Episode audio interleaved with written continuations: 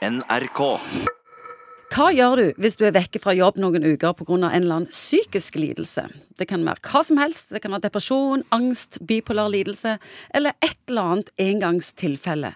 Uansett, alle på jobben lurer, både sjefen og kollegaer. Og psykolog Egon Hagen, det kan ikke være lett det å komme tilbake til jobb etter å være vekke tre-fire uker. Nei, det er ikke lett. Hvor har det vært? Hva har skjedd? Ja, hva det er vel ikke noe alvorlig? Nei, og så tenker folk også kanskje at de må jo vise interesse. Og så føler du plutselig at du, du må gi et eller annet tilbake igjen. Jeg pleier å si sånn at Regel nummer én det er at dette styrer du.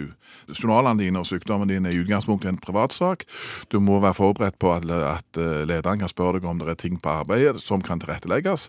Men når det spørsmålet er besvart, og hvis det ikke har med jobben å gjøre, så er det egentlig en privatsak, og du må bestemme hva som er riktig for deg. Men når du kommer tilbake på jobb, så er det ikke ofte en har lyst til å dele med hvem som helst. Kanskje er det så vidt du har hodet over vannet i den situasjonen. Noen er åpne, og no- og andre tier stille. Noen ganger er det sånn at, det er mer nyansert enn det. Du kan være åpne med noen, eksempel. Du har kanskje en mer betrodd kollega på jobben som du føler det er naturlig for å fortelle noe mer om dette. Det er lurt å tenke litt langsiktig. Du kan si det at nå gikk du på ei fyllekule, og den varte i fire måneder, og du greide ikke helt å, å skru av. Jeg ville tenkt meg litt om før jeg la dette ut. Fordi at uh, du skal leve med disse tingene ganske lenge, og hvis du greier å legge ting bak deg, og, og dette aldri skjer igjen, så kan dette henge igjen i folks bevissthet mye lenger. Vi er jo på mange måter i en tid hvor alt er herlig og naturlig, og alt skal snakkes om. Jeg er litt mer sånn på bremsen noen ganger, jeg. Og jeg har sett det i forhold til det yngre folk òg som tenker at alt må deles non stop. Og jeg sier tenk litt langsiktig, det er ikke sikkert det er så lurt. Har jeg full forståelse for at noen sier at dette er min måte å leve på, ganske transparent, og jeg velger å dele ganske fritt hva som skjer i mitt liv. Og der er vi òg forskjellige. Ja.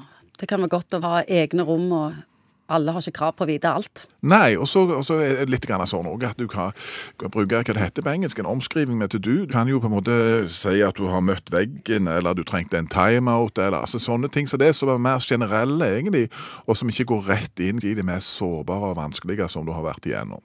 Og etter at du har smilt tappert og svart etter beste evne hos kollegaer, så skal du inn til sjefen, som sitter der med sykemeldingen din og gransker deg med håp i blikket om at du skal være åpen og fortelle hva som har vært galt. Ja, sjefen vil jo lure på om det er ting på jobben, og det er bra. Oppfølging av den tidligere sykemeldte og sånn. Er det ting som kan gjøres lettere for at du skal få en, en god start når du kommer tilbake igjen? Og det er jo kjempeflotte ting. Jeg tror det, det At vi har fått disse ordningene på plass, er helt strålende. Men når det gjelder disse 90-gritty-greiene i forhold til, så vil jeg heller gå til snakk med, med noen andre om det, rett og slett. En legen din eller en nær betrodd venn. Klart at Noen sjefer er jo fordømt kloke og ekstremt forstandige, og du har egentlig bare lyst til å fortelle alt. og da kan det selvfølgelig være helt riktig å gjøre noen ganger. Men som en generell regel så vil jeg, jeg ville sittet med foten litt på bremsen og tenkt at det som nå skjer i løpet av denne her, eh, halvtimen her, det skal du faktisk måtte leve med i, i lang tid framover.